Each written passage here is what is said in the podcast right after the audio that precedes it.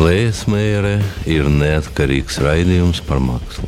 Lēsmēra runā par to, ko nevar parādīt. Lēsmēra ir flanēra. Viņa klīst starp ikdienas rūpēm un pēkšņi ierauga mākslu. Taču svarīgs ir teksts, kā draudzīgs ceļš pie domām par mākslu. Lēsmēra raidījums par mākslu katru otro ceturtdienu, piecos vakarā. Sveicināti! Tēlējs Meire, tas ir raidījums par mākslu, laikmetīgu un tradicionālu, vizuālu un multimediālu, kustīgu un nekustīgu, profesionālu un neprofesionālu, visiem pieejamu un pavisam slepenu, visdažādāko. Studijā esmu es, mākslas kritiķi Ieva Leismējere. Tiekamies Radio Naba Vilnī 95,8 FM katru otro ceturtdienu, piecos vakarā. Klausieties arī pēc tam, jebkurā laikā Nabas, jeb Latvijas Radio 6 mājaslapas arhīvā, kur varat nokļūt arī no Facebook lapas, ko sauc tāpat kā raidījumu Leismējeri. Raidījumu producē neatkarīga kompānija Čerjomuha Consulting Atbalsta joprojām Iljāna Veinberga un Olivers Tarvits. Izskatās, ka arī valsts kultūra kapitāla fonds kļūst par patstāvīgu atbalstītāju. Priecājos, ka raidījuma projekts guvis atbalstu pēdējā projektu konkursā periodam līdz māja beigām. No sirds pateicos visiem, un šoreiz īpaši Ingai Melderei un kādai akvarelistei, kas gan gribēja palikt anonīma. Šoreiz raidījumā skatāmies divas lielas izstādes Latvijas Nacionālajā Mākslas muzejā lielas un lieliskas, un arī stipri vien problemātiskas, ir runa par hrestomātisku izvērstu ieskatu džemas skūmes daļratē, kam kuratora Inga Steimane devusi nosaukumu Džema skūme viņas glezniecība. Šī izstāde izvietota muzeja augšējās izstāžu zālēs, 4. stāvā un kupola zālē bet lielajā pazemes izstāžu zālē arī faktiski tādu kā retrospekciju sarīkojas Ēriks Apaļais, vai precīzāk izstādi veidojas pats mākslinieks un kuratoris Astrīda Riņķe un Katrīna Gregosa. Izstādes nosaukums ir Ēriks Apaļais - ģimene Raidījumā piedāvāšu arī divas sarunas ar Džemas Kulmas izstādes kuratoru Ingu Steimani un gleznotāju un muzeja pedagoģijas speciālisti Baibu Spranci. Nu, un beigās, ja dzīve tiksim laukā no muzeja, dosimies uz Tērbatas ielas galeriju Alma, kur burvīgu pārsteigumu sarūpējas Krišs Salmanis. Un pa ceļam uz Almu iegriezīsimies galerijā Istaba, turpat netālu Krišāņu baronielā. Ievalējas mēre uzskata, ka teksts par mākslu arī ir māksla un sarunā par redzamo ir pats interesantākais vispār dzīve. Izņemot seksu un naudu, protams. Lēsmēre raidījums par mākslu katru otro ceturtdienu, piecos vakarā. Džēmas Kulmes apjomīgajā retrospektīvajā gleznu izstādē redzami dažādu periodu darbi pat kopš 20. gadsimta 50. gadiem. Mākslinieca strādājusi līdz pat 2019. gadam. Lasāms arī kuratoras Ingas Steimanis teksts, kas skaidri un nepārprotami uzdod darbu uztveres toni. Viss ir pārākajā pakāpē, neapstrīdami slavinoši un izcili. No mākslinieces pagatavots tāds kā superkarēvis. Aiz šīs izveidotās figūras spožuma pašām gleznām pievērsties nav nemaz viegli, un rodas iespējas, ka tāda figūra izveidota ar noteiktu mērķi. Izskatās, ka mērķis ir komerciāls. Nu, normāls mērķis, par figūru veidošanas tehnoloģijām un arī par mākslu parunājos ar izstādes kuratoru Ingu Steimani. Saki, lūdzu, kāpēc tev ir svarīgi uzbūvēt, um, teiksim, kā lai pieklājīgāk pasaka, pieminekli mm. džemai skumai. Ar, nu, pats saproti, tas tādā pārnestā nozīmē, mm -hmm. Ar visām konsekvencēm, kas nu notiek ar pieminekli. Proti, viņš ir tāds sastīndzis un uh, vēl visāds, jā, bet ko tu teiksi? Nu, piemineklis, jā, tādā 18. vai 19. gadsimta izpratnē, protams, ir sastāvdaļas un tā, tāda skulptūra, kaut kas tāds, kaut kas tāds priekšmets.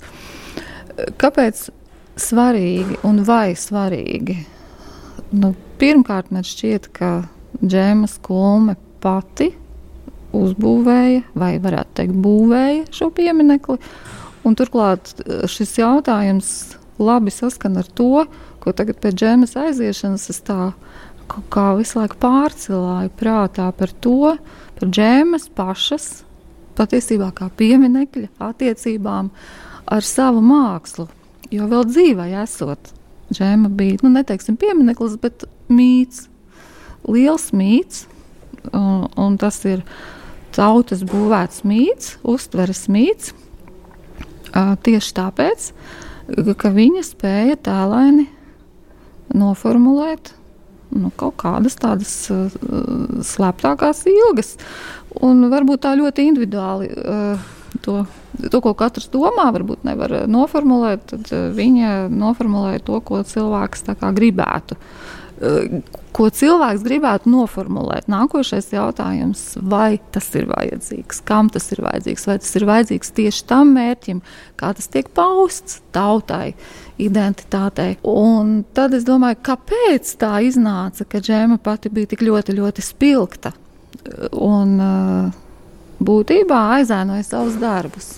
To, manuprāt, to var tā droši teikt, jo nebija īsti nepieciešamība iedziļināties darbos, jo bija šī pati džēma ar savu pateikšanu, ar savu tēlu. Un pēkšņi man atnāca tā atbilde, ka varbūt tāpēc, ka viņa arī šo runāšanu, izpausmi, uzstāšanos, varbūt pat žestu viņa ielika formā. Viņa visu darīja formā. Un, ja kaut kas noformējās, noformējās līdz formai, tas ir ārkārtīgi ietekmīgs. Tā tad ne tikai māksla formā, ne tikai krāsa, ja, formā, bet arī, arī tie teksti, arī tā doma. Un lūk, tad būtībā Uh, drīzāk varētu teikt, ka pieminiektu nevis būvēt, bet uzturēt un atrast tam uh, veidus, nu, kā tas pastāv, ka džēmas vairs nav.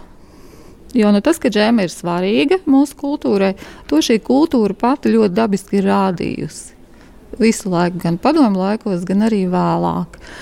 Un to ļoti negausīgi ir izmantojušas arī visas varas, gan padomju laikos, gan arī vēlāk. Un es uh, jūtu tīri tehniski materiālu, uh, plašāk un vispārīgāk es jūtu, uh, ka tas būtu adekvāti tā domāt par džēmu, kā par saglabājamu un apritē nu, esošu.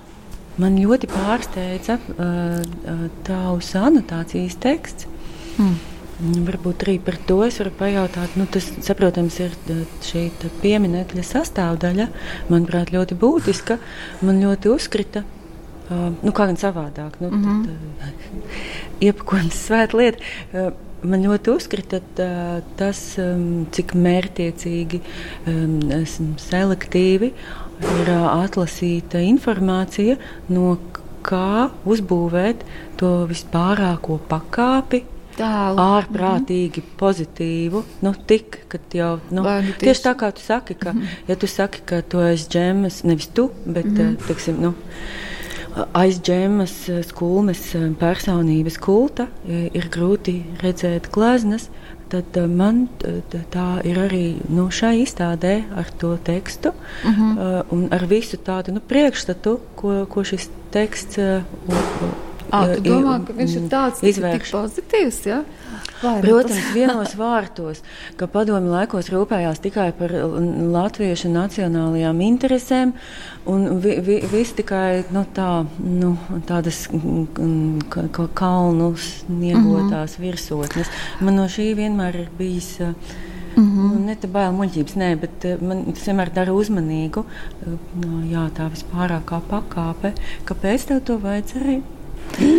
Nu, bet, jā, es saprotu, bet uh, patiesībā es uh, nu, tā īsti nevaru piekrist, ka tur ir vispārākā pakāpē slavināts. Un, piemēram, uh, man ir bijuši kolēģi, kas teikšu, ka es esmu rakstījis ļoti sausi. Starp citu, tieši jo, jā, nu, tā kā bez, bez, ka nav tās emocijas, kas jau man vispār jārakstības stils citreiz pat ir vēl emocionālāks. Uh, Eh, bet, ja tā atšķirtina, eh, tad eh, šis jautājums tiešā veidā skar to varas un personības attiecības un par to, kā vara ieraksta kādu personību savas vēstures rakstīšanā. Un es uzskatu, ka džēma ir visuzskatāmākais piemērs. Nu, tāpēc, ka ļoti spilgts, katram pieejams un var uh, padomāt par šo lietu.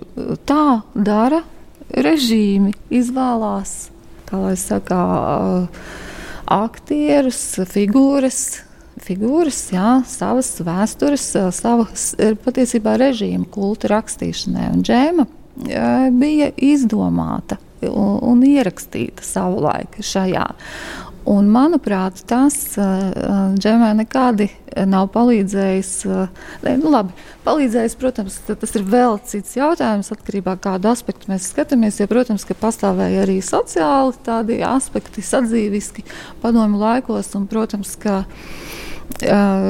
teiksim, tā, nu, Džema baudot šos augstos amatus, protams, baudīja arī zināmas privilēģijas, kas attiecās uz uh, padomju iekārtu un kas attiecās uz to konkrēto līmeni. Bet uh, citādi es uzskatu, ka kā šādi teikt uh, par džēmu, ka viņa, uh, nu, respektīvi, kritiku veltīt džēmai, neskatoties, kāpēc vispār veidojās tāda situācija, būtu turdzīgi. Jo vara bija izvēlējusies, un tādi mums ir ļoti daudz, gan aktieri, gan mākslinieki, gan dziedātāji. Ar ko rakstīt šo savu cildeno vēsturi. Un tas nozīmē, ka jebkas, ko šis mākslinieks dara, un ko vara varēja akceptēt, un ko viņš iznesa no darbnīcas tā akceptētā veidā, kuru pēc tam nodefinēja kā pasūtījumu darbu, tas automātiski ierakstījās kaut kādā saistībā ar šo varu. Tā tomēr ir stipra, stipra interpretācija stipra. Un tāpat eh, teiksim, ne tikai mākslinieka pašcensūra, domājot par to, vai akceptēs vai neakceptēs. Jo man liekas, ka šajās diskusijās tā puse ir tā aizmirsta, kad vāra pati veidoja. Vāra veidoja šos kultus uh, nu, attiecībā pret to, ka ir vai nav kāds padomju mākslinieks. Piemēram, šis sižets ja, trīs, trīs smaidoši strādnieki, bet krāsas, kādas šeit ir.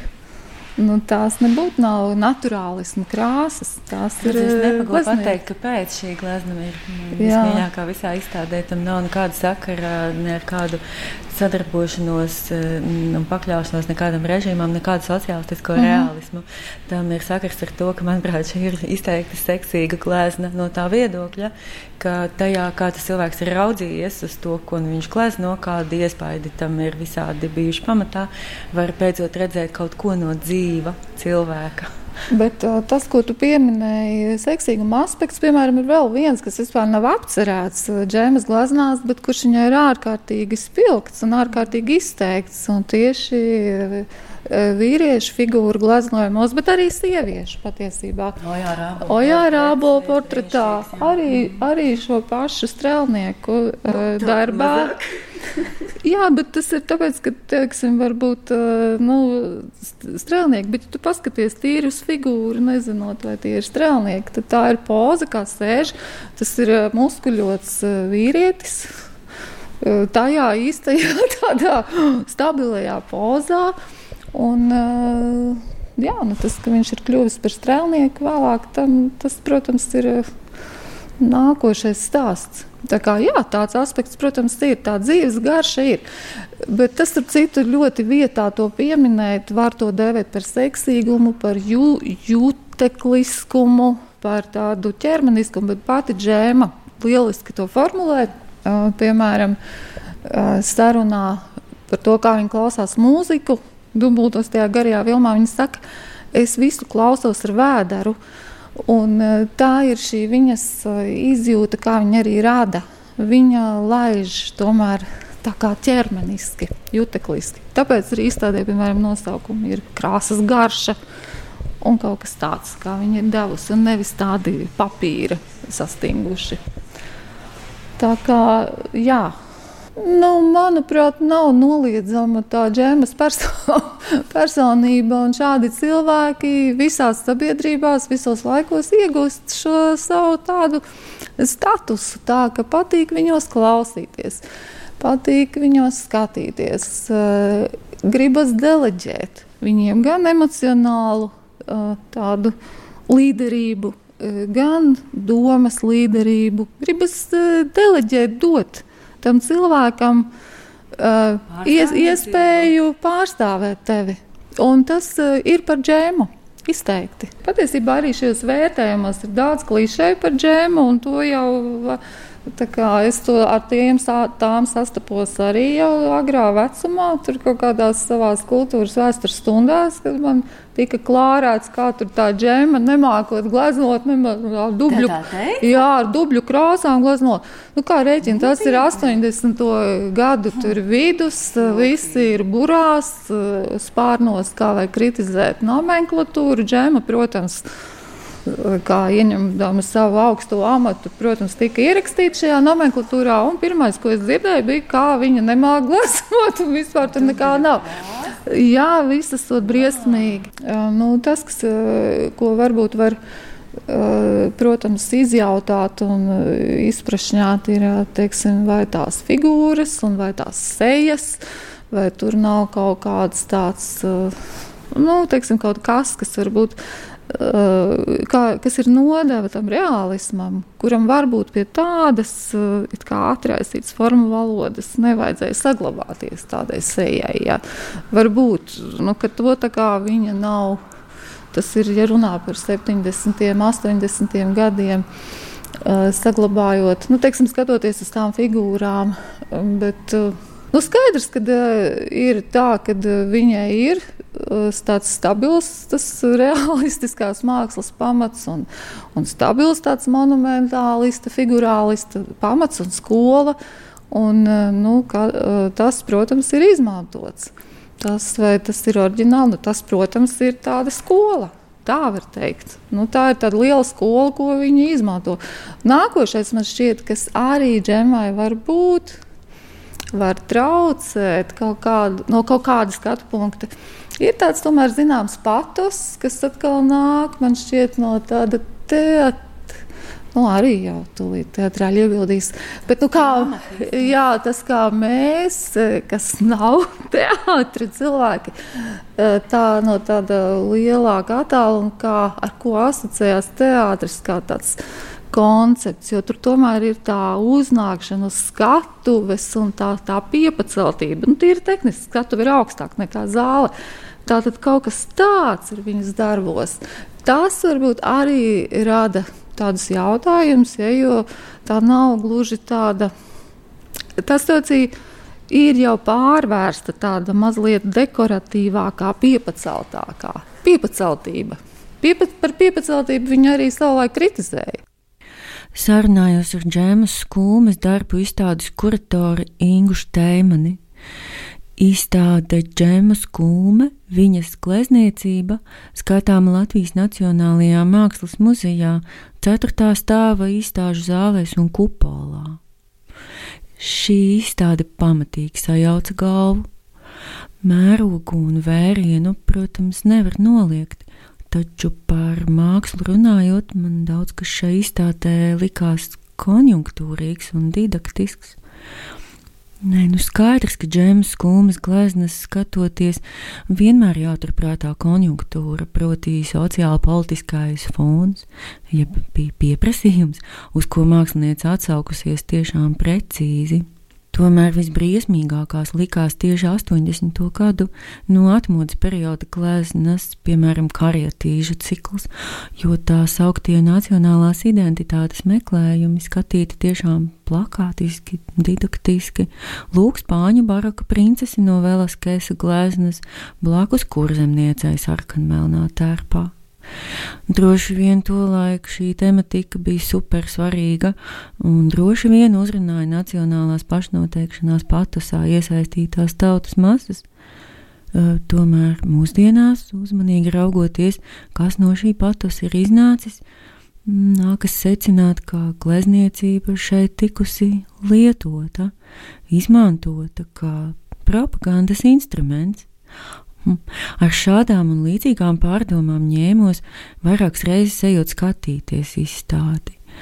Taču kādās trīs vietās, teiksim tā, sastapos ar ko līdzīgu džemai skūmei gleznotājai.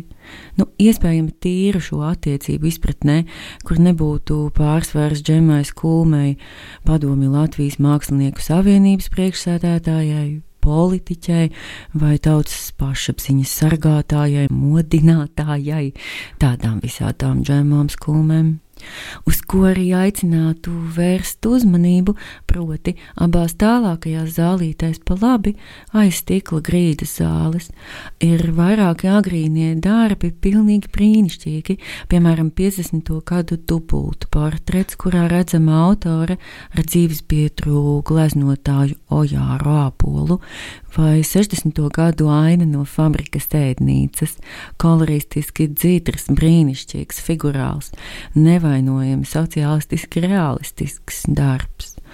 Un tā dažas gluži ģeniālas un pilnīgi brīvas no jebkādas konjunktūras gleznas no pašām dzīves beigām. Ja izdodas tikt garām nomācošajām pierakstu drapērijām, tad pie kupola zāles sienām var pēcgalīgi priecāties par dažām gluži abstraktām, ārkārtīgi spēcīgām, ja tā var izteikties, gleznām. Šoreiz rādījuma kompozīcija būs tāda, ka nākamajā sarunā Atkal mazliet atgriezīsimies pie džēmas skulmas izstādes, bet tad dosimies lejā uz muzeja pazemes sāli, kur skatīsimies Ērika apaļā izstādi ģimene, sarunāšos ar Baibu Sprānci. Bet tagad iztēlojamies, ka raidījums ir apmēram pusē, un tāpēc klausāmies The Magnetic Fields. Tā tāda raidījuma tradīcija neko nevar darīt. Lūk, dziesma! school,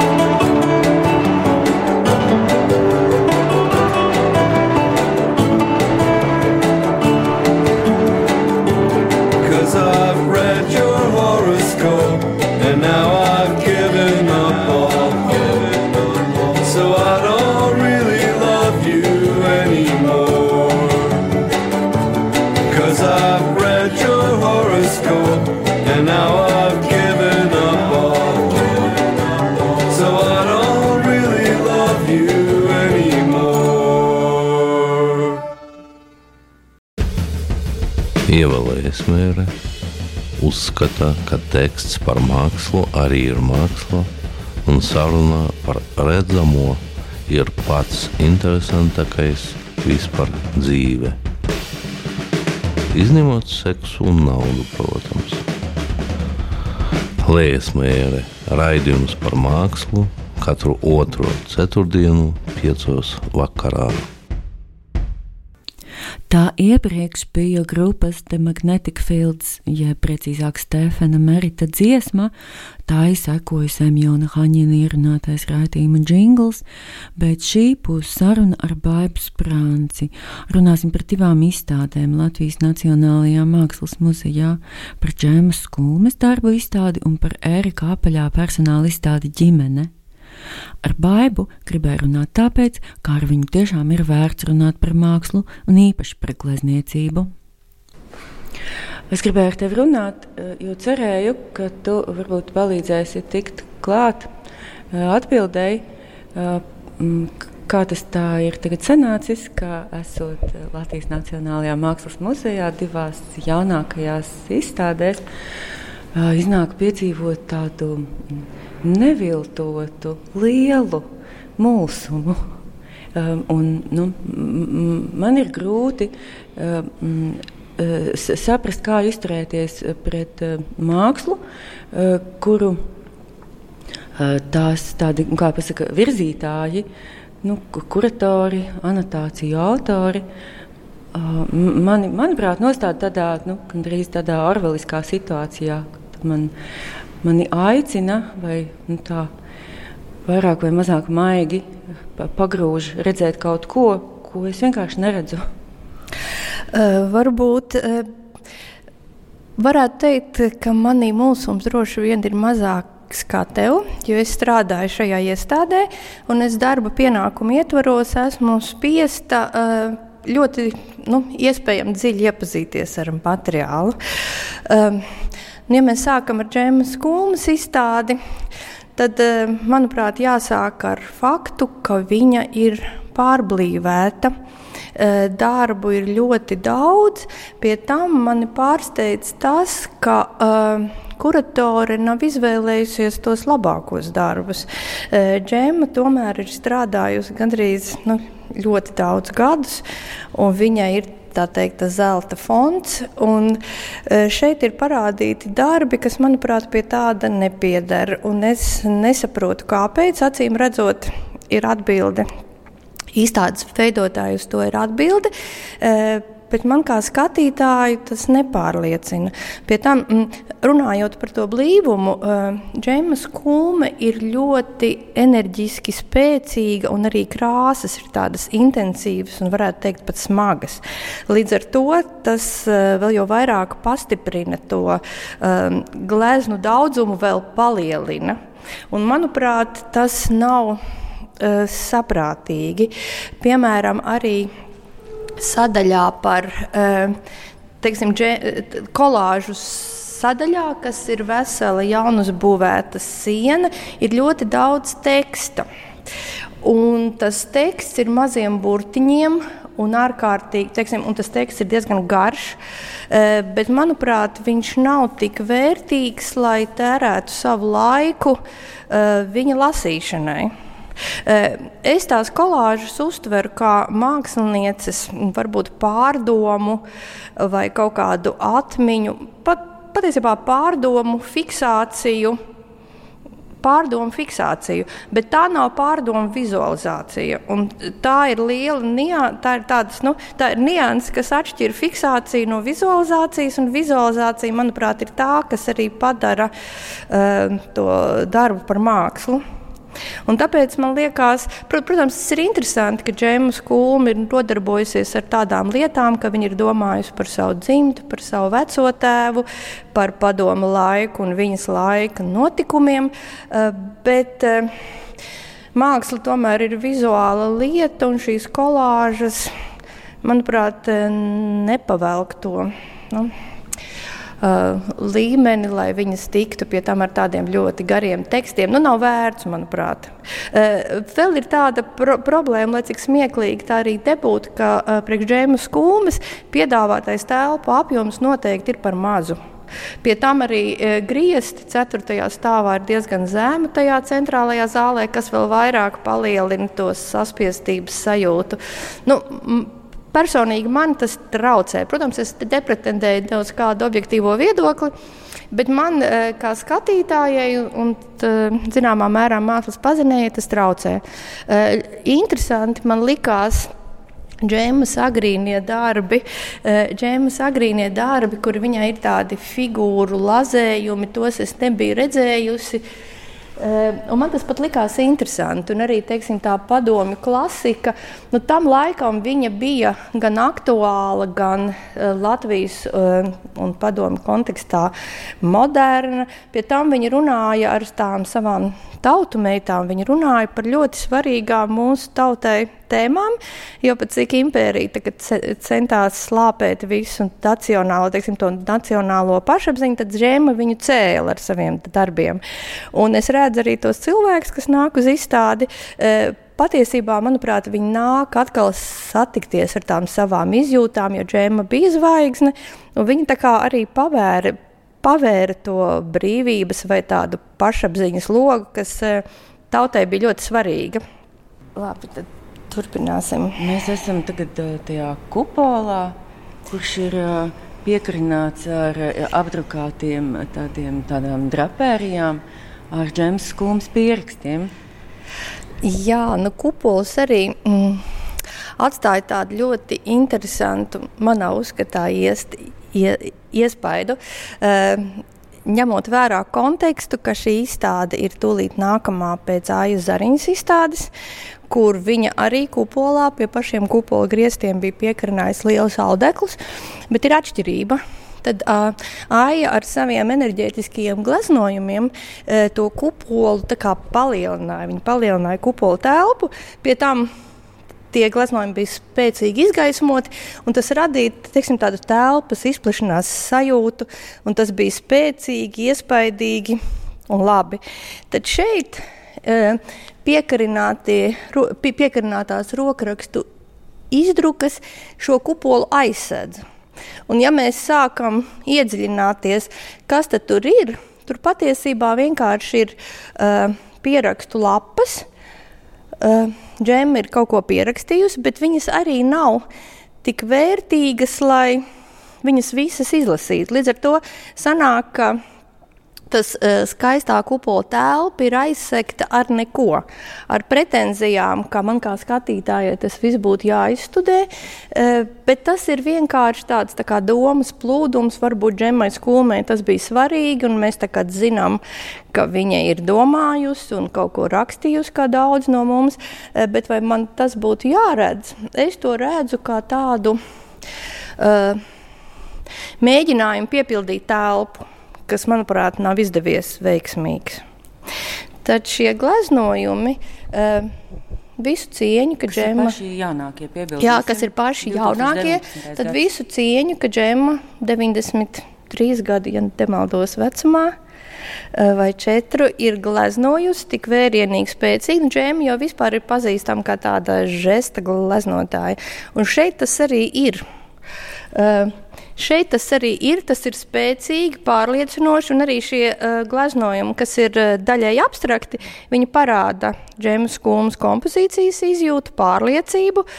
Nu, viņi ir, manuprāt, viņi ir spēcīgi. Uh, Nu tā, un tad radās pretruni, ka kāpēc vajag tādu fragmentāru domu plūdumu likt kopā ar, manuprāt, labu labiem gleznojumiem. Iznāk pat nevis likt kopā, bet likt priekšā. Likt priekšā, likt priekšā, jā, nu tas man liekas nav visai veiksmīgs solis. Man liekas, tik eh, interesanti salīdzināt, piemēram, tos uh, 80. gadu, tās karietīdas, to periodu, tā, tās gleznas, kur, kur viņi ir nodarbojusies ar kaut kādu viņas prātu noteikti ļoti svarīgu tematiku. Viņas ir briesmīgi didaktiskas un briesmīgi, nu, kā jau pasaka, nu, konjunktūriskas.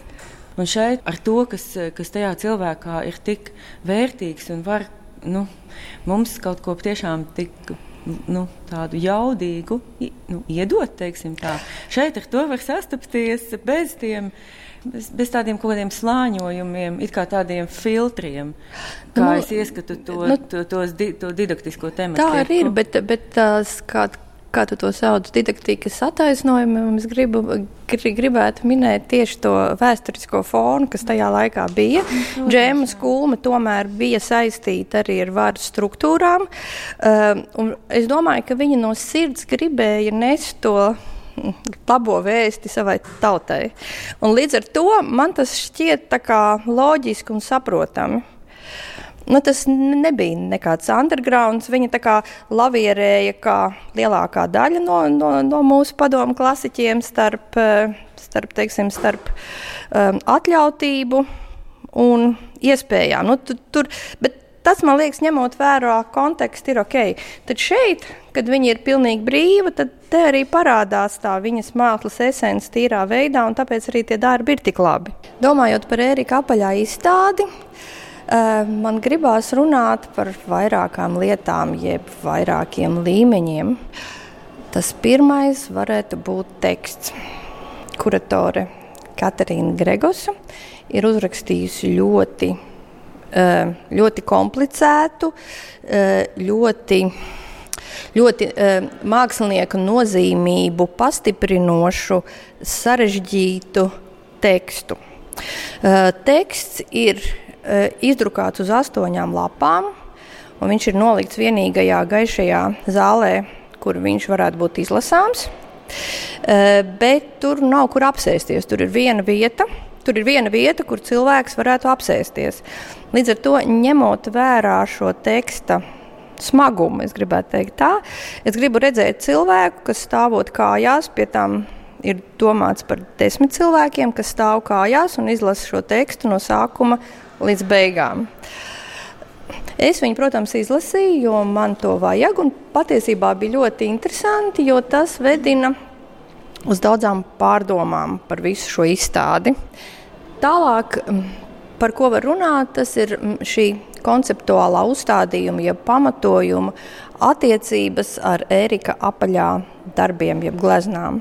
Šeit ir ļoti interesanti, ka tāda lieta, kas droši vien attiecās uz kompozīciju, Katarīna Gregos vairākas reizes uzsver e, uzstādījumu apjomu, e, apjomu un svaru, kas it kā parādās e, ietilpīgos simbolos apaļā gleznās. Un tad, kad es skatos Ērika apaļā gleznas, tas attiecās uz tumšo zāli, uz burtu un um, burtu gleznām un zemes dienas grāmatām vislielākā mērā, uh, tad es neredzu uh, šo simbolu svaru. Un, manuprāt, tam atslēga ir tāda, uh, ka uh, vizu, glezniecības vizuālajā valodā darbojās citi likumi, kā teiksim, mm, apcerē, vai domāšanā, vai teksta rakstīšanā. Uh, par simboliem, mm, jebko gleznā padara teiksim, vizuālais nospriegojums.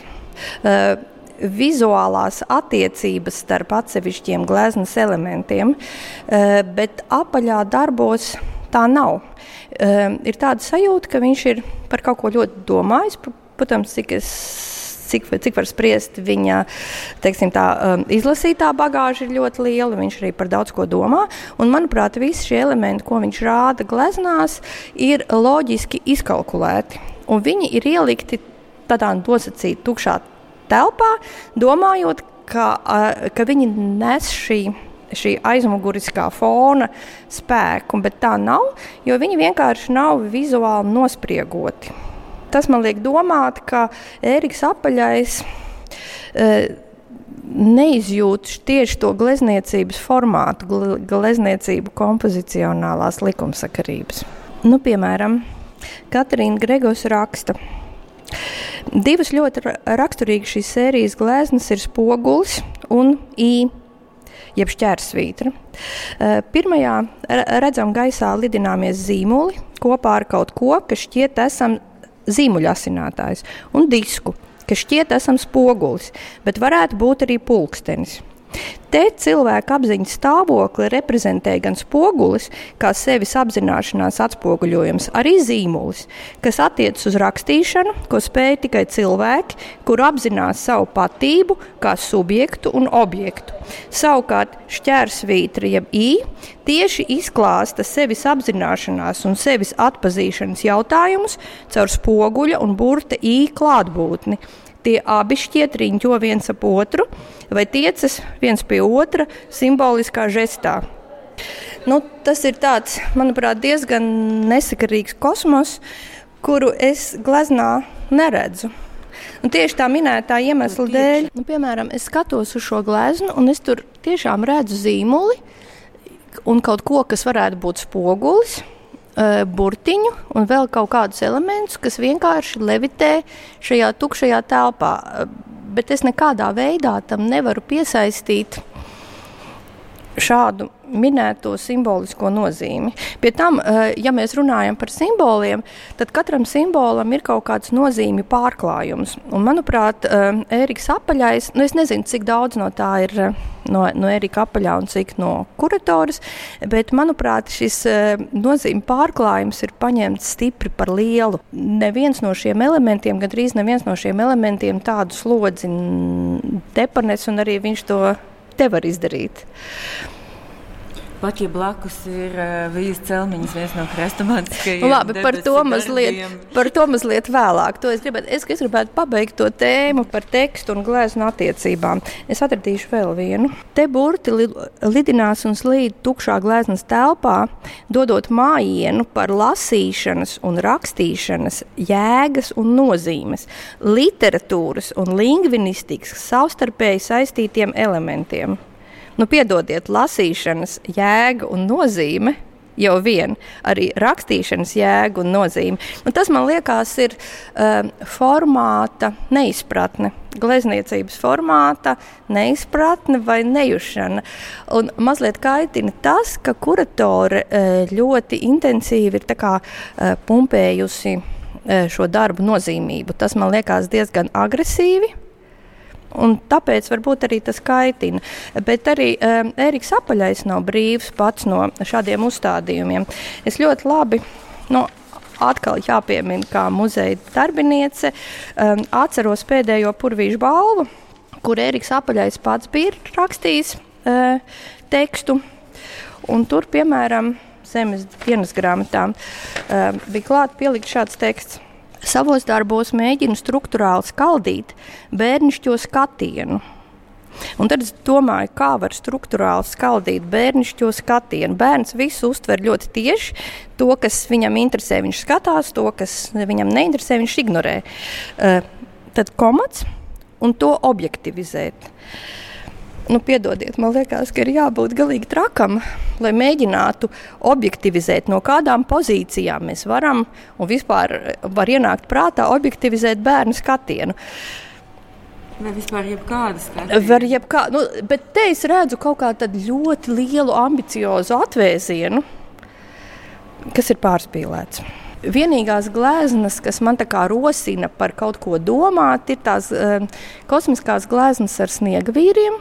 Tur tiešām varētu domāt par apļa kā formas daudznozīmību, par cilvēka valodas teiksim, pieņemtajām nozīmēm. Nu, tur kaut kas ir, ko padomāt, bet arī tas radās tikai no šo elementu attiecībām, jo viņas nu, nostrādā. Ja es ielieku vienkārši atsevišķus priekšmetus tukšā telpā, nu, viņš neveido principiāli, tur tam nospriegojumam nav no kā rasties, jo uh, tas radās vizuāli. No vizuālajiem kairinājumiem. Uh, bet tagad, atejot atkal tālāk, cits līmenis ir telpas, Erika apaļā izstādes telpas, tad šī melnā telpa, manuprāt, ir ārkārtīgi iespaidīga. Tu nonāc tiešām uh, šajā uh, melnumā, kas patiesībā nav melns, viņš ir tumšs pelēks, bet tā uh, tumša pelēkā sienu krāsna, krāsa ir ievelkoša. Viņa šo telpu vizuāli paplašina. Un tāpēc vismaz mani šeit pārņem tāda nu, tiešām kosmiska sajūta, bet nekādā gadījumā es to nevaru savilkt kopā ar ar minēto jēdzienisko uzstādījumu. Un tagad, piemēram, par vīdu celmiņu. Šeit vispār ir jārunā par šiem, nu, par ģimeni. Īstādi saucās ģimene, un Eriks Apaļais ir, kā viņš pats saka, pieaicinājis dažus viesus, ar ko viņam ir garīga tuvība, vai tie viņam ir bijuši tādi kā. Nu, es nezinu, vai kā skolotāji, vai kā atbalsta grupa.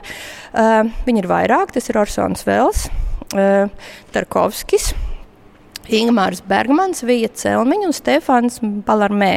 Uh, un vēl ir Parcels uh, Brothars.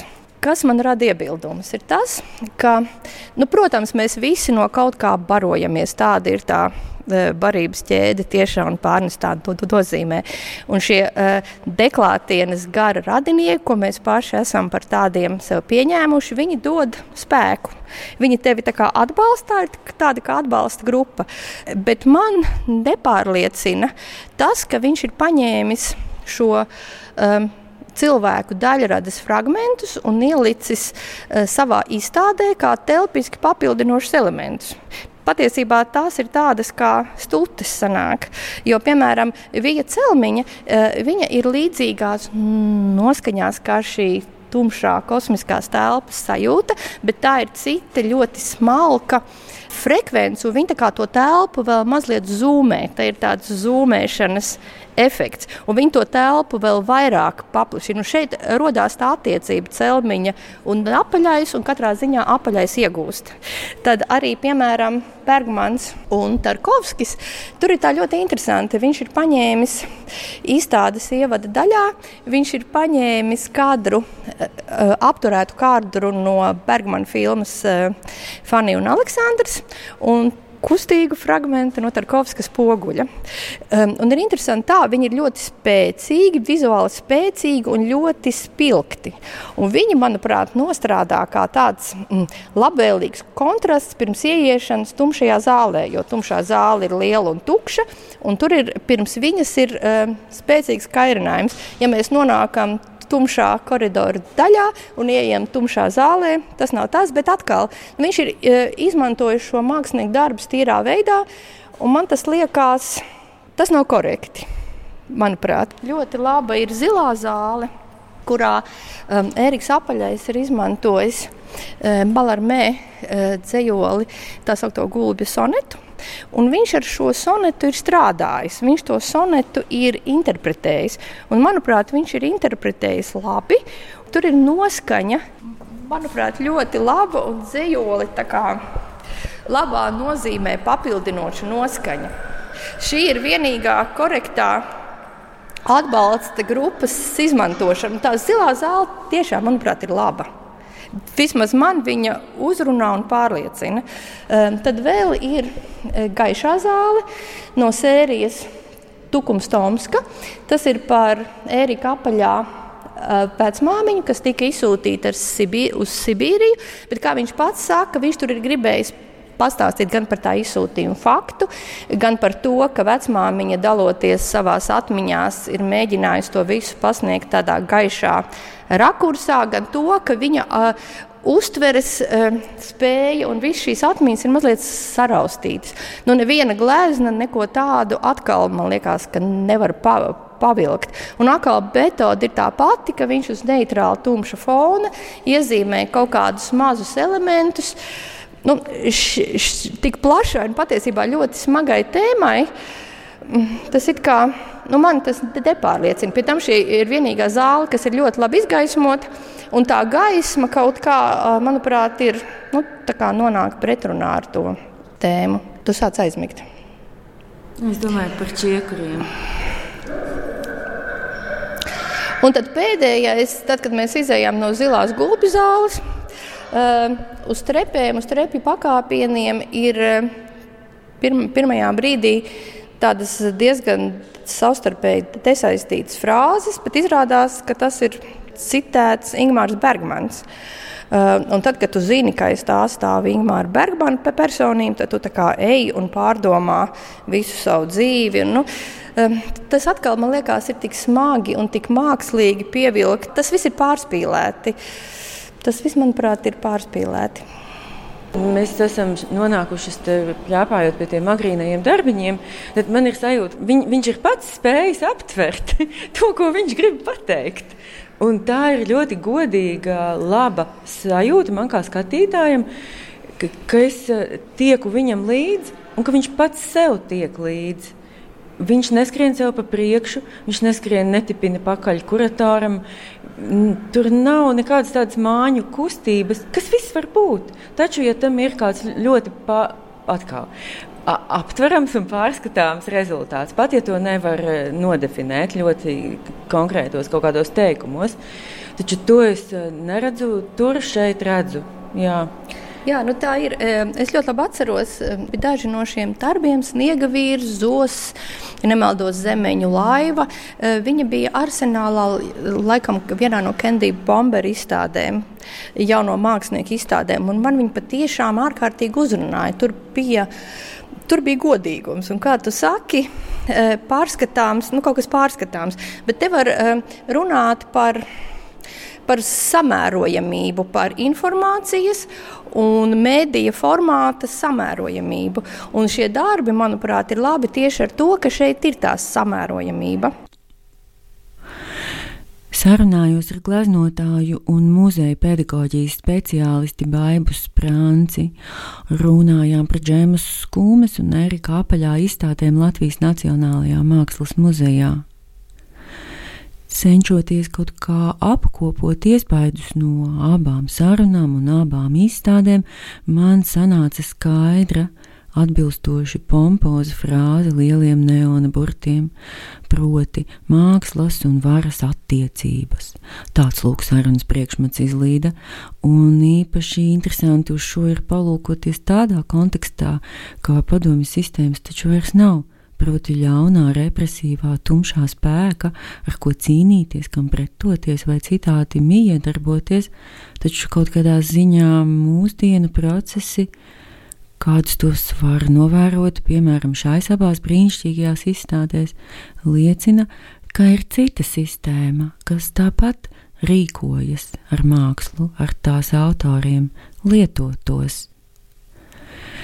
Ērika apaļā izstādē likās, ka ir divas vienības, jeb periodi, jeb darbu grupas, kurās tikko minētais sarunas priekšmets atkāpās un likās mierā pavisam. Tās ir agrīnās mākslinieka gleznas, kuras tematikas un formas dēļ gribas saukt par glezniņām, taču nav tās nekādas glezniņas. Tie ir pašapzinīgi, godīgi mākslas darbi, kuru saturs ir pašu noteiktos, tādos aptveramos, Tāpēc es saku, ka godīgos ietvaros to uztverēji nevajag pārāk daudz ārēju lietu. Šīs gleznas un divi burvīgi video ir tas, par ko no sirds pateicos māksliniekam. Viens video ir melnbalts un maziņš, un tajā ir mājiņa un sniedziņš. Nu, kā no tām sniega bumbām, kur sniega tad, kad bumbu sakrata, nu, un pa vidu jau tad visādi objekti, kas tur apsniega. Otrs video ir zili, balts un liels. Tajā kāds nirst acīm vaļā un bezgalīgi priecājas par to niršanu acīm vaļā. Problemātiskākā, manuprāt, bija pat ne tumšpelēkā zāle ar darbiem, kuros tādā slāpējošā, neitrālā fonā levitē burti un vēl visādi elementi un to atlūzas, bet gan darbu cikls par izsūtījumu. Neko nevar darīt šī tēma. Aizvien vairāk dažādu mākslinieku un mākslas jomu izpausmēs sāk šķīst kā tāda droša valūta ceļā pie plašākas auditorijas, kas Austrumēropas autoru traumatizēto un stigmatizēto pagātnes un dzimtu mantojumu var veiksmīgi konvertēt, nu, pat no uztveres viedokļa. Taču es neredzu šajā stratēģijā neko īsti pašvērtīgu un oriģinālu. Arī tieši šī ir Erika apaļā darbu ciklā ne. Bija nodomājis te citēt Borisu Groisu, protams, bet kaut kā necitējās šoreiz vispār nekas. Citreiz pacitēšu.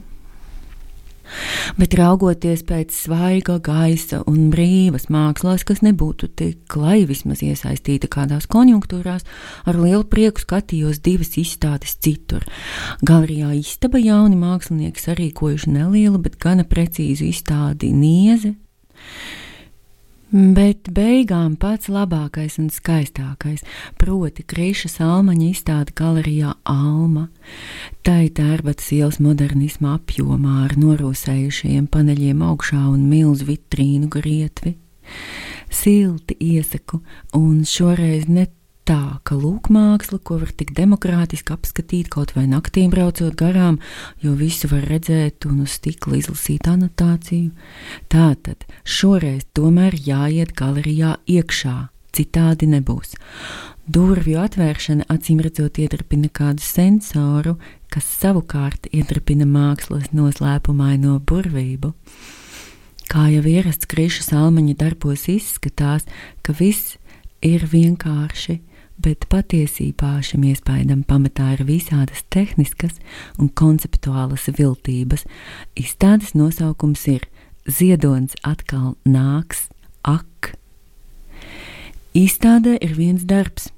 Video cilpā ar kādas austrumnieciskas sejas tuvplānu. Viņa dzied, bet pirms dziedāšanas viņa atver acis. Un tajā ko mākslinieks ar šo visu it kā tik vienkāršo scēnu izdara, slēpjas māksla. Ievēlējas mēre uzskata, ka teksts par mākslu arī ir māksla, un saruna par redzamo ir pats interesantākais vispār dzīve. Izņemot seksu un naudu, protams. Lēsmēre raidījums par mākslu katru otro ceturtdienu, piecos vakarā. Līdz ar to šoreiz raidījums izskan. Studijā biju es mākslas kritiķe Ievalējas Meire. Vēlreiz pateicos Iljānai Veinbergai, Oliveram Tarvidam un Valsts kultūra kapitāla fondam par ieguldījumu un atbalstu raidījumu tapšanā. Šoreiz ar atbalstu patīkami pārsteidza arī Inga Meldere. Raidījumu producē Sijāča Rjomuha Consulting. Tehnisko atbalstu laipni piedāvā Radio Naba. Īpaši paldies Nabas producentam Uldim Gadram. Šeit, Radio Naba Viļņos, tiekamies pēc divām nedēļām, 26. martā, 2017. Ziniet, 26. marts ir diezgan brīnišķīgs datums, gandrīz tikpat brīnišķīgs kā 27. marts. Iepriekšējos raidījumus atrodiet Nābas jeb Latvijas Rādio 6 arhīvā un raidījuma Facebook lapā. Paldies, ka klausījāties visu gaišu! Lēsmēre ir neatkarīgs raidījums par mākslu. Lēsmēre runā par to, ko nevar parādīt. Lēsmēre ir flanēra. Viņa klīst starp ikdienas rūpēm un pēkšņi ieraugā mākslu. Taču svarīgs ir teksts, kā draudzīgs ceļš pie domām par mākslu. Lēsmēre, raidījums par mākslu katru otro ceturtdienu, piecos vakarā.